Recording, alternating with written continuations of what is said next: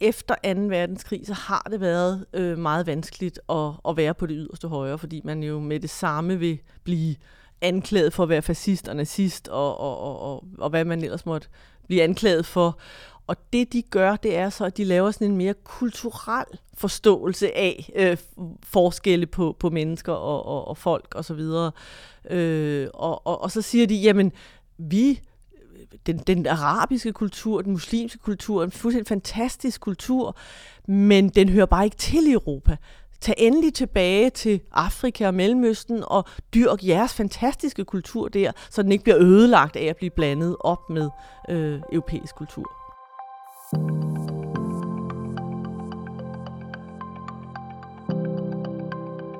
Til det franske præsidentvalg her om nogle uger er den siddende præsident Emmanuel Macron oppe imod hele to kandidater på den yderste højrefløj, nemlig Marine Le Pen, som er leder af partiet Rassemblement National, og Erik Zemmour, som ligger endnu længere til højre. Men bag denne kendte politiske højrefløj findes en intellektuel højrefløj, som kalder sig Nouvelle Droite, eller det nye højre. Særligt Erik Zemmour har tætte forbindelser til Nouvelle Droite. I dag har bevægelsen forgreninger ud i hele Europa og stærke bånd til Rusland. De er imod nationalstaten, imod kapitalisme, globalisering og amerikaniseret overforbrug. I stedet vil de genopbygge Europas oprindelige civilisationer, fri for indvandring og multikulturalisme. I denne udgave af DIS podcast Verden til forskel skal vi blive meget klogere på den aller yderste franske højrefløj og højrefløjens forbindelse til Rusland. Mit navn er Marie Barse, og jeg er journalist og kommunikationsmedarbejder på DIS. Og til at hjælpe os med at blive klogere på denne ideologiske højrefløj, har vi dig i studiet seniorforsker Manny Krone. Du forsker nemlig i den intellektuelle og ideologiske yderste højrefløj i Frankrig og i Rusland. Ja.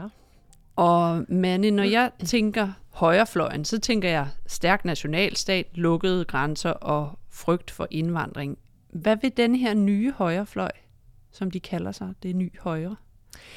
Ja, som du selv sagde, så både Marine Le Pen og Erik Zemmour, de går jo ind for en stærk nationalstat og, og, og hvad hedder det, forhindrer indvandring. Og det er jo ligesom den politiske og populistiske højrefløj, vi kender. Det er jo deres øh, politiske projekt. Men ved siden af denne her, øh, ja, den politiske højrefløj, der findes et, et aller yderste intellektuelt højre, som hedder det ny højre i Frankrig, og som de sidste 50 år har formuleret sådan en, en masse øh, højrefløjsidéer. Og de er faktisk mm, må, lidt overraskende, kan man sige, ikke nationalister i den forstand, at de går ind for nationalstaten, men de ser Europa som sådan et, et, et, et, et landkort af små etniske grupperinger. Alle de folkeslag, som er blevet undertrykt af nationalstaten, altså øh, øh magiarer og friser og øh, korsikaner og basker osv. osv. Det, det er alle de små folkeslag, de ønsker skal genopslå, øh, genopstå på, på det europæiske kontinent. Så derfor er de ikke nationalister i sådan en klassisk forstand. Nej, så nationalstaten ser de i virkeligheden som noget kunstigt, der undertrykker de her naturlige præcis, præcis. folkeslag. Altså de er antimoderne, og nationalstaten er jo sådan set en moderne opfindelse. Øh, og, og, og hele konstruktionen af nationalisme og, og nationalstaten, det var jo samtidig en undertrykkelse af alle de her andre små folkeslag, som, som, øh, som, som, som var på, på europæisk jord. Undertrykkelse af deres sprog, af deres kultur osv. Så, videre. så ja, i den forstand er de faktisk imod den moderne nationalstat. Ja, og, og det her, det hedder øh, det nye højre, eller Nouvelle Droite, men har 50, det er 50 år siden, det, øh, at det begyndte at blive udviklet, den her, den her nye højre. Så hvordan er det nyt? Ja, men det er jo faktisk hele pointen, at det er det nye højre, fordi i Frankrig er der en meget, meget lang tradition for det aller yderste højre. Altså det aller yderste højre i Frankrig har historisk set helt tilbage fra den franske revolution været at man var imod revolutionen, at man var imod republikken, at man ønskede sådan set at genindføre det gamle regime, monarki, den katolske kirke osv. osv. Og den her gamle højrefløj, den var sådan set meget aktiv helt op i det 20. århundrede, altså helt op til, til 2. verdenskrig. Øh, men så det er den højrefløj, som det nye højrefløj gerne vil gøre op med, for de mener simpelthen ikke, at den er tidsvarende, når de begynder at, at, at, at hvad skal man sige, genopfinde det yderste højre i, i slutningen af 60'erne. Så det gamle højre, det var dem, der ville tilbage til monarkiet, og de her, de er så nye, ja. med, de vil noget, noget de vil helt noget andet. helt andet. Ja. Øhm, og, de, og hvad, hvad vil de egentlig? Ja, øh, som, jeg, som jeg sagde før, de, altså et af deres kodeord er det her med etnopluralisme, øh, altså det her med, at man vil genopleve de her mindre øh, etniske folkeslag osv. Samtidig så har de også nogle store, større geopolitiske visioner for Europa. Øh, Altså, de ser sådan et stort klassisk geopolitisk skæld mellem søfartsnationer på den ene side. Det er alt det, de ikke kan lide. Det er USA, det er Storbritannien, det er de her lande, som, ja, som søfartsnationer har været handel og kapitalisme og forfladende konsum. Øh, så de er også kapitalistisk, kapitalisme kritiske. Det er det, de ser på den ene side. På den anden side ser de så det, hvad skal vi sige, det europæiske kontinent, altså det kontinentale Europa som en anden geopolitisk blok, øh, som er den her store spirituelle øh, enhed, øh, som, har, som er rodfæstet i den europæiske jord. Så, så, så der er en eller anden, altså de har både det her med små etniske, naturlige folkeslag i Europa, skal have, skal have bedre rammer til at udfolde sig, og samtidig et større billede, der siger, at at vi alligevel hører sammen, alle os små folkeslag på, på det landfaste Europa hører ja. sammen, men vi hører så ikke sammen med USA og, og England, som rent jordmæssigt er et andet sted. ja, ja, sådan kan man sagtens se det. Altså, og så, så spørgsmålet, og, og det, det interessante i det her billede er jo selvfølgelig, at nationalstaten ikke rigtig øh, øh, er fremtrædende. Øh, og, og, og spørg, det interessante spørgsmål er jo så også, jamen, hvordan hænger det sammen, det her med de her små enheder, og så den her større geopolitiske øh, øh, og spirituelle øh, enhed, altså det europæiske kontinent. Øh, og, og det er, de har, de, de, de har sådan nogle idéer om en eller anden form for føderalisme, altså at de politiske enheder, det er nede på det lokale niveau. Altså de, de er faktisk, man kan sige, demokrater, men de er imod det moderne repræsentative demokrati. De går ind for sådan nogle små radikale, direkte former for demokrati, hvor man simpelthen tager beslutninger øh, ude i, i, i, altså lokalt. Det er sådan føderalisme. Øh, og, og, og ideen er så, at de her små politiske enheder, de kan så vælge at, at, at melde sig ind i et meget, meget større europæisk imperium, som ikke er, man skal ikke skal forvælge, øh, forveksle med EU, fordi for dem er EU, det er bare sådan et, det er netop en samling af nationalstater, men og, og kapitalisme. Kapitalisme og, og et indre marked og så videre, og så videre. Det, det er alt det, de ikke kan lide. De ønsker en, en mere spirituel opfattelse af, hvad Europa er. ja. den europæiske civilisation og historie. Ja, og det her med etnicitet og geografi, øhm, kan du ikke prøve at fortælle lidt mere, hvordan, altså, de har jo nogle idéer om, at, at den man er, ligesom øh, det, det, der gør en til europæer, eller til ja, måske friser, eller et af de her mindre folkeslag, det har meget at gøre med, med geografi. Hvordan, hvordan hænger det ja, sammen? og det er jo sådan i virkeligheden sådan en klassisk højrefløjs idé, i hvert fald det yderste højre, altså forestillingen om, at mennesker er bundet til jorden, de har rødder i den jord, hvor de nu er født, øh, og at ja, der er sådan en anden forbindelse mellem jorden, en, en, nogle særlige landskaber, et særlig natur, skaber simpelthen en særlig kultur, en særlig civilisation. Øh, det er derfor, at, at det kontinentale Europa, det skaber nogle særlige bundesamfund, øh, hvor man har nogle sådan rurale værdier. Øh, så der er en meget tæt forbindelse mellem ja, det landskab, man vokser i, op i, og så den mentalitet, kultur, civilisation, øh, der, der findes på det pågældende sted. Og det er så der, man hører til? Altså, så det hvis er, man er i høj Europa, grad så der, man netop hører til, og det er en ret afgørende pointe for dem. Altså, at man hører til der, hvor man er født, der, hvor man har rødder, Øh, og det er jo det, der gør, at de kan de har sådan en ideologisk forklaring på, hvorfor indvandrere ikke hører til i Europa. Øh, altså fordi de, de er ikke født, og de, de kommer ikke af den rigtige jord. de ikke kulturelt og, og, hvad skal vi sige, øhm, slægtsmæssigt, jordmæssigt, kunne man nærmest sige, hører til i Europa. Øh, altså de, det, det er også det her miljø omkring det nye højre, der har formuleret det her slogan, som har fået stor udbredelse, øh, som hedder den store udskiftning, altså den her idé om, at den europæiske befolkning er ved at blive udskiftet med bund og grund muslimer og araber og folk fra Nordafrika og Mellemøsten. Og, og, og deres pointe er så at sige, at vi må generobre Europa, fordi det er os, der ligesom hører til, øh, og, og hvorimod araber og, og hvad hedder det, ja, muslimer, de hører ikke til her historisk og øh, ja, i, i, slægtsmæssigt. Ja, så de går ikke ud egentlig og siger, at de undermennesker, de andre, de hører bare til et andet sted, hvor de skal blive i Afrika eller i Mellemøsten. Præcis, og det er jo ligesom en af de store pointer. Man kan sige, at efter 2. verdenskrig, så har det været øh, meget vanskeligt at, at være på det yderste højre, fordi man jo med det samme vil blive anklaget for at være fascist og nazist, og, og, og, og, og hvad man ellers måtte blive anklaget for. Og det de gør, det er så, at de laver sådan en mere kulturel forståelse af øh, forskelle på, på mennesker og, og, og folk osv. Og, så øh, og, og, og så siger de, jamen vi den, den arabiske kultur, den muslimske kultur, en fuldstændig fantastisk kultur, men den hører bare ikke til i Europa. Tag endelig tilbage til Afrika og Mellemøsten og dyrk jeres fantastiske kultur der, så den ikke bliver ødelagt af at blive blandet op med øh, europæisk kultur.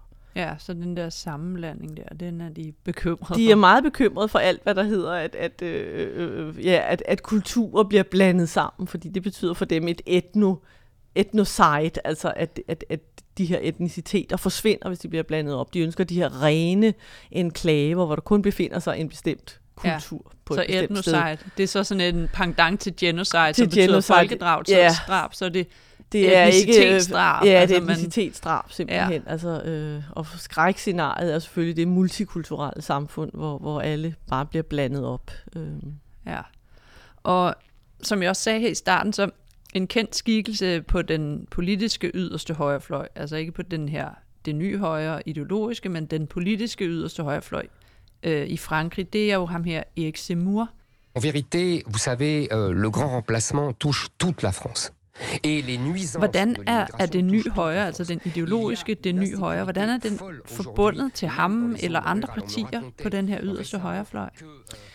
Ja, altså lige netop Erik Zemmour har faktisk meget tætte forbindelser til det her miljø, og han er også taler på deres konventer og, og, og så videre, så videre. Så han har meget tætte forbindelser, og jo abonnerer jo også på mange af deres idéer, også den store udskiftning, og, og hele den her meget hvad skal vi sige, kulturelle forståelse af, hvad det vil sige at være fransk. Øh, det han gør, som er anderledes, er selvfølgelig, at han, det er man jo nok nødt til, når man er politiker, at han han er, han er nationalist. Altså han tager den her analyse og ligesom blæser den op på det nationale øh, niveau og forsvarer Frankrig. Det, der skal generobres, er ikke Britannia og Korsika osv., osv. det er Frankrig. Så der er han forskellig, men han, han bevarer jo stadigvæk den her meget kulturelle forståelse af, hvad det vil sige at være fransk. Altså at være fransk er ikke, som Marine Le Pen dog vil sige i dag, at være fransk statsborger, det er ikke en juridisk forståelse, men det er en kulturel forståelse. At være fransk,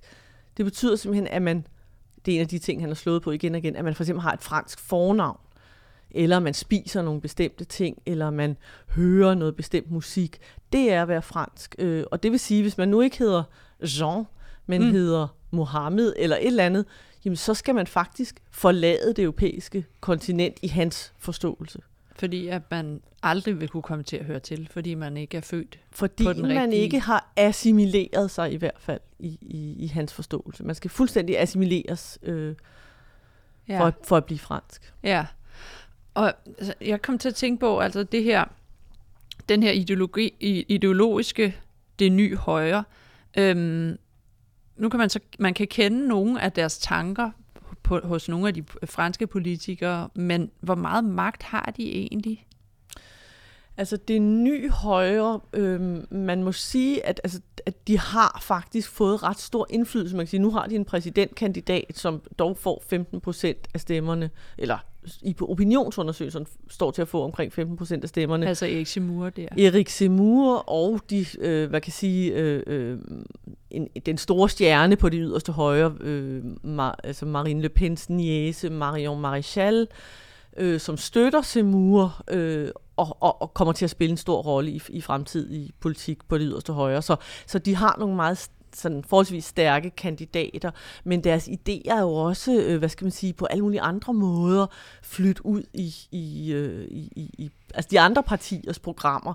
Man behøver jo ikke nødvendigvis at tage hele pakken, eller tage præcis det, øh, sådan som det hænger sammen i de mere ideologiske formuleringer, men Marine Le Pen har også taget mange idéer, også nogle idéer om økologi og, og øh, altså biodiversitet og lokale, lokale beslutninger, og hele ideen om den store udskiftning er jo meget, øh, hvad kan man sige, blevet brugt meget også i langt ud over Frankrigs grænser. Øh.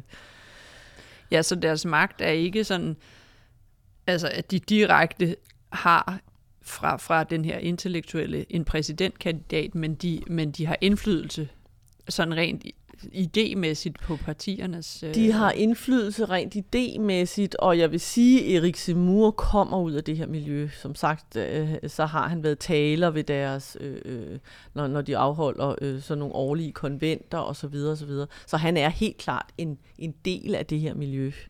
I dit seneste studie, der har du blandt andet analyseret øh, ideologien og visionerne hos en af dem, der var med til at grundlægge det nye højre, eller Nouvelle Droite, ham her, Alain de Benoit. Hvem er han? Ja, Alain de Benoit, han er jo som sagt en af de personer, der har været med til at, at, at formulere øh, det nye højre, eller Nouvelle Droite, helt tilbage fra slutningen af 60'erne. Øhm, og, øh, og så, så det er jo ret, kan man sige, at, at, at der er sådan en person, der har været med i 50 år. De fleste af de andre er øh, døde nu. Øhm, men, og men han, han lever stadig og er, er han, han lever figur. stadigvæk og, og er nok også den mest sofistikerede af de tænkere, der har været. Øh, og han har en ret stor indflydelse, kan man sige. Altså på, i, intellektuelt set altså er, er ligesom en del af et meget, meget større øh, netværk i Europa med forgreninger, og også USA sådan set forgreninger til Tyskland, øh, Frankrig, altså, Tyskland, øh, Italien, Spanien, øh, også Rusland. Øh, Øh, så, så, så på den måde har han faktisk haft stor indflydelse, også internationalt. Det her ikke, gælder ikke kun Frankrig. Og også kunne man måske sige, den bevægelse, som er opstået for et par nogle år siden i Frankrig, der hedder Generation Identitær, som jo også har øh, en filial i Danmark. Øh, det er også idéer, der er taget fra Alain de Benoit. Ja, det er sådan en, en slags ungdomsbevægelse, ikke? Som det er sådan har... en ungdomsbevægelse. De er sådan lidt mere aktivistiske, kan man sige, og har lavet aktioner i Frankrig. De er forbudt nu i Frankrig, men, øh, men de eksisterer stadigvæk i mange andre lande, og altså også i, i Danmark. De har en hjemmeside i Danmark i hvert fald. Ja, ja, og de, eks- ja. de refererer eksplicit til, til Benoit. Altså han er jo ligesom den, der har været med til at formulere en ret sammenhængende ideologi på det yderste højre. Det er nok et af de mest altså, sammenhængende bud på, hvad det yderste højre kunne være i dag. Ja. Og som jeg sagde i starten af, af den her podcast, så øhm, har den her nye højrefløj tætte forbindelser til Rusland. Og i 2014 dannede russiske separatister i de to ukrainske republikker Donetsk og Lugansk faktisk en union baseret på visionerne fra den her nye højrefløj. Eller det nye højre.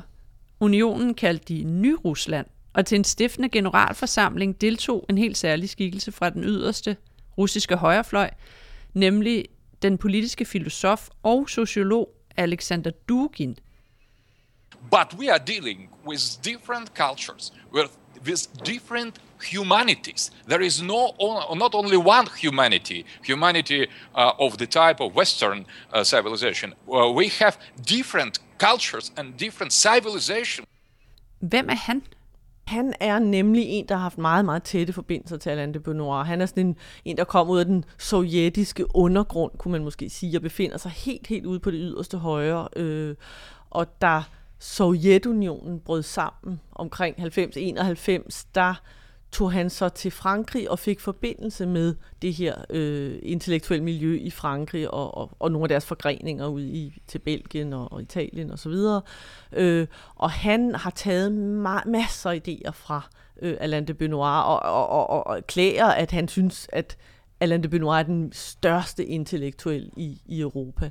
Så han har taget mange af de her forestillinger, og også kan man sige, måske mere specifikt øh, med hensyn til det russiske, altså hele den her idé om sådan et, et større europæisk imperium, øh, hvor han jo så ser Øh, Rusland som en central. Altså han kalder det, han snakker om Eurasien. Han har lavet sådan en russisk version, kunne man sige, at, af de her idéer. Han taler om Eurasien, som jo netop ikke er sådan en klassisk nationalstat, men nemlig sådan et multikulturelt imperium, som netop består af alle de her mindre, øh, hvad kan man sige, øh, etniske folk, kazak og øh, tatarer og, og, og, og hvem det måtte være. Så, så, så, så hans, ja, han har i hvert fald været meget inspireret af Ja, Alain de og, Benoit og det nye højre. ja og, og som vi taler om det her med, det nye højre er kritisk over for kapitalisme, globalisering og ønsker måske at kappe båndene til USA og det her amerikanske overhegemoni, bryder de sig ikke om.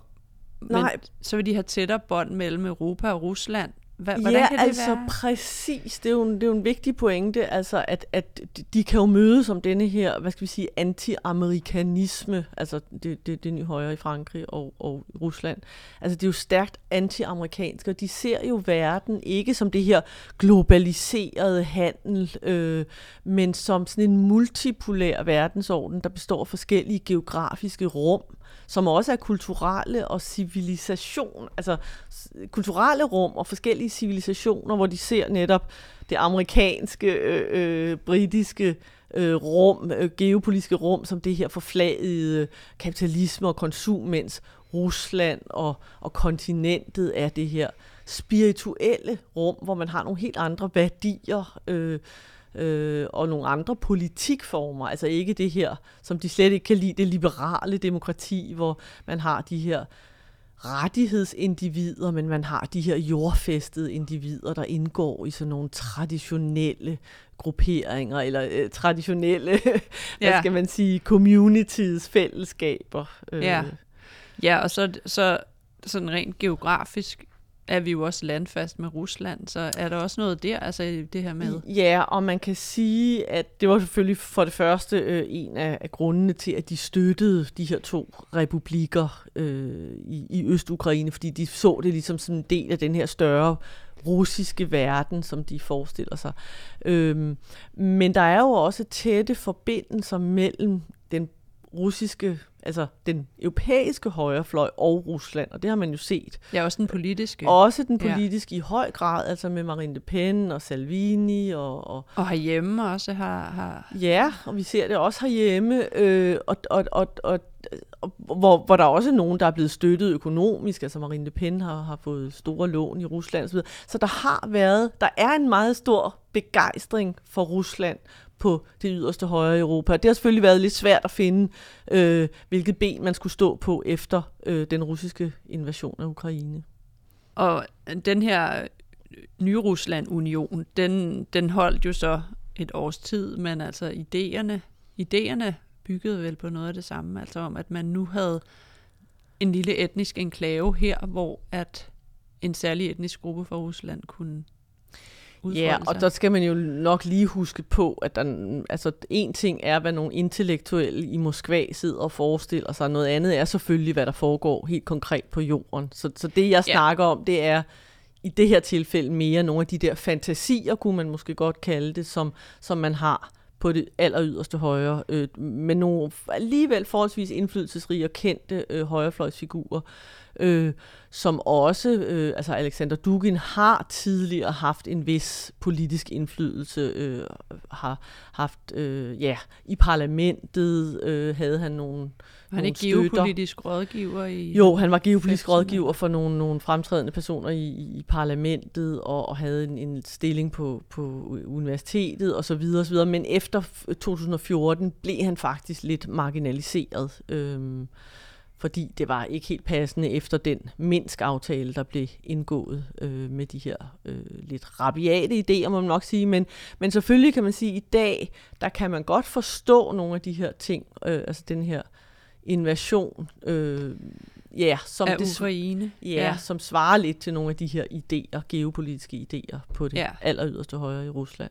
Ja. Men det er bare for at sige, at det er ikke sikkert, at dem, der har været på jorden i, i de her, altså de her separatister, at de nødvendigvis kender alle Dugins idéer. Det tror jeg ikke.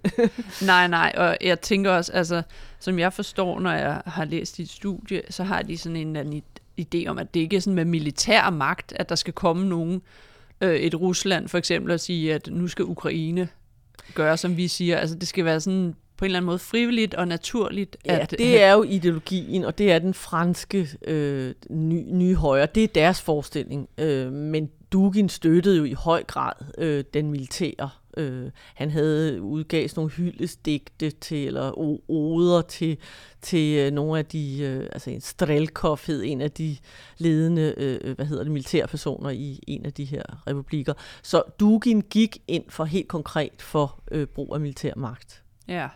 Til at udbrede det her imperium, han forestillede sig. Og jeg synes, altså nu vi, vi taler om det her med militær magt og, og imperium og sådan noget, altså jeg synes, det minder lidt om noget, vi har set tidligere i historien, også den her idé med øh, jord og, og blod, eller hvad man kalder det. Altså minder det lidt om noget, vi har Det minder, det minder en hel del om noget, og det er jo også fordi, at øh, set. Hvad for noget? det er ny, ja, det minder jo meget om, om, om det, man så i Tyskland i 30'erne, og hele forestillingen, kunne man sige, om det tyske rige, øh, Dritte Reich og så videre, så videre, så det her lidt større øh, rum. Øh, og det er jo ikke tilfældigt, fordi mange af de her idéer kommer jo netop fra nogle tyske tænkere i mellemkrigstiden, og, og hele det her med geopolitik kommer øh, ret direkte fra den tyske tænker Carl Schmitt. Øh, så det er ikke tilfældigt. Man kan sige, at det, som er anderledes her, det er jo de der øh, forestillinger om den her etnopluralisme. Altså, det, det, det tyske rige, det var jo forestillingen om et, øh, et det tyske folk, som sådan et samlet folk. Øh, hvor, hvor, hvor, hvor, hvor de her forestillinger, man ser her, det er jo det her med det etnopluralistiske. Øh, altså at, at Så det, det er ikke flere små folk, Ja, og her ja. dengang var det et. Dengang var det et tysk folk, og Ja. nu er det alle de her små folkeslag, som jo også passer meget bedre, kan man sige, på det russiske, øh, altså imperium, den måde, de forestiller sig et, et russisk imperium, som jo består af mange forskellige folk. Ja. Og øhm, altså, jeg har jo jeg har læst dit studie, og jeg synes, jeg blev noget af det, fik jeg sådan lidt, lidt uro indeni ved at læse det. Øhm, og du har siddet altså, og, og læst en masse af de her øh, intellektuelles idéer og visioner, og øh, ja, hvad, hvad, hvad de gerne vil med verden på den her yderste højrefløj. Hvordan har det været at sidde og læse det her? Jeg har ikke kun læst, jeg har også været nede og deltage i mange af deres øh, begivenheder og, og, og talt med nogle af dem. Øhm, ja, det, det er jo øh, ja, det er jo lidt, hvad skal man sige, det er jo lidt uhyggeligt idéer. Øhm, ja. Bliver du bekymret, eller for, for Altså jeg vil sige, at når man så ser, at jeg var da lidt overrasket, da jeg så, at Semur, jeg mener Marine Le Pen har vi jo kendt til i mange år, som, som altså på det yderste højre, men da jeg så, at Semur pludselig stillede op, og alligevel fik så relativt stor opbakning, som, som han har fået. Det vil jeg i hvert fald sige, det har overrasket mig, og, og, og at, at man nok må sande i dag, at det yderste højre er på en eller anden måde tilbage som en eller anden politisk øh, familie, som vi skal vende os til, altså er der og har ret stor. at forholde os til? Og, ja, forholde og os til, og som, som en del af det politiske landskab. Ja. Og som sagt, der, i, når det gælder Frankrig, så er den, den store politiske begævelse, er, hun, hun er kun på vej. Hun er Maria, Marion Maréchal, hun er et par 30, så, så hun øh, er for ung til at stille op til præsidentvalget, men der er mange, der forventer, at det, det vil hun gøre næste gang. Men øh, med de ord, der øh, nåede vi til afslutningen af dagens udgave af Verden til forskel. Tak fordi du gjorde os klogere på den nye højrefløj med Annie Krone. Mange tak. Og til dig, kære lytter, Hvis du kunne lide, hvad du hørte, må du endelig give os nogle anmelderstjerner der, hvor du hører din podcast. Ris eller ros kan sendes til os på LinkedIn, Facebook eller Twitter, eller direkte til mig, Marie Barse, på maba dk. Og hvis du har fået lyst til at læse mere om det nye højre, og måske finde ud af, om du, ligesom jeg, føler lidt uro inde i, inde i ved at læse om det her, så kan du finde Manny Krones seneste studie på vores hjemmeside diis.dk. Studiet hedder Towards Great Ethnographic Civilizations and Spiritual Empires. How the European New Right Imagines a Post-Liberal World Order. Tak fordi du lyttede med.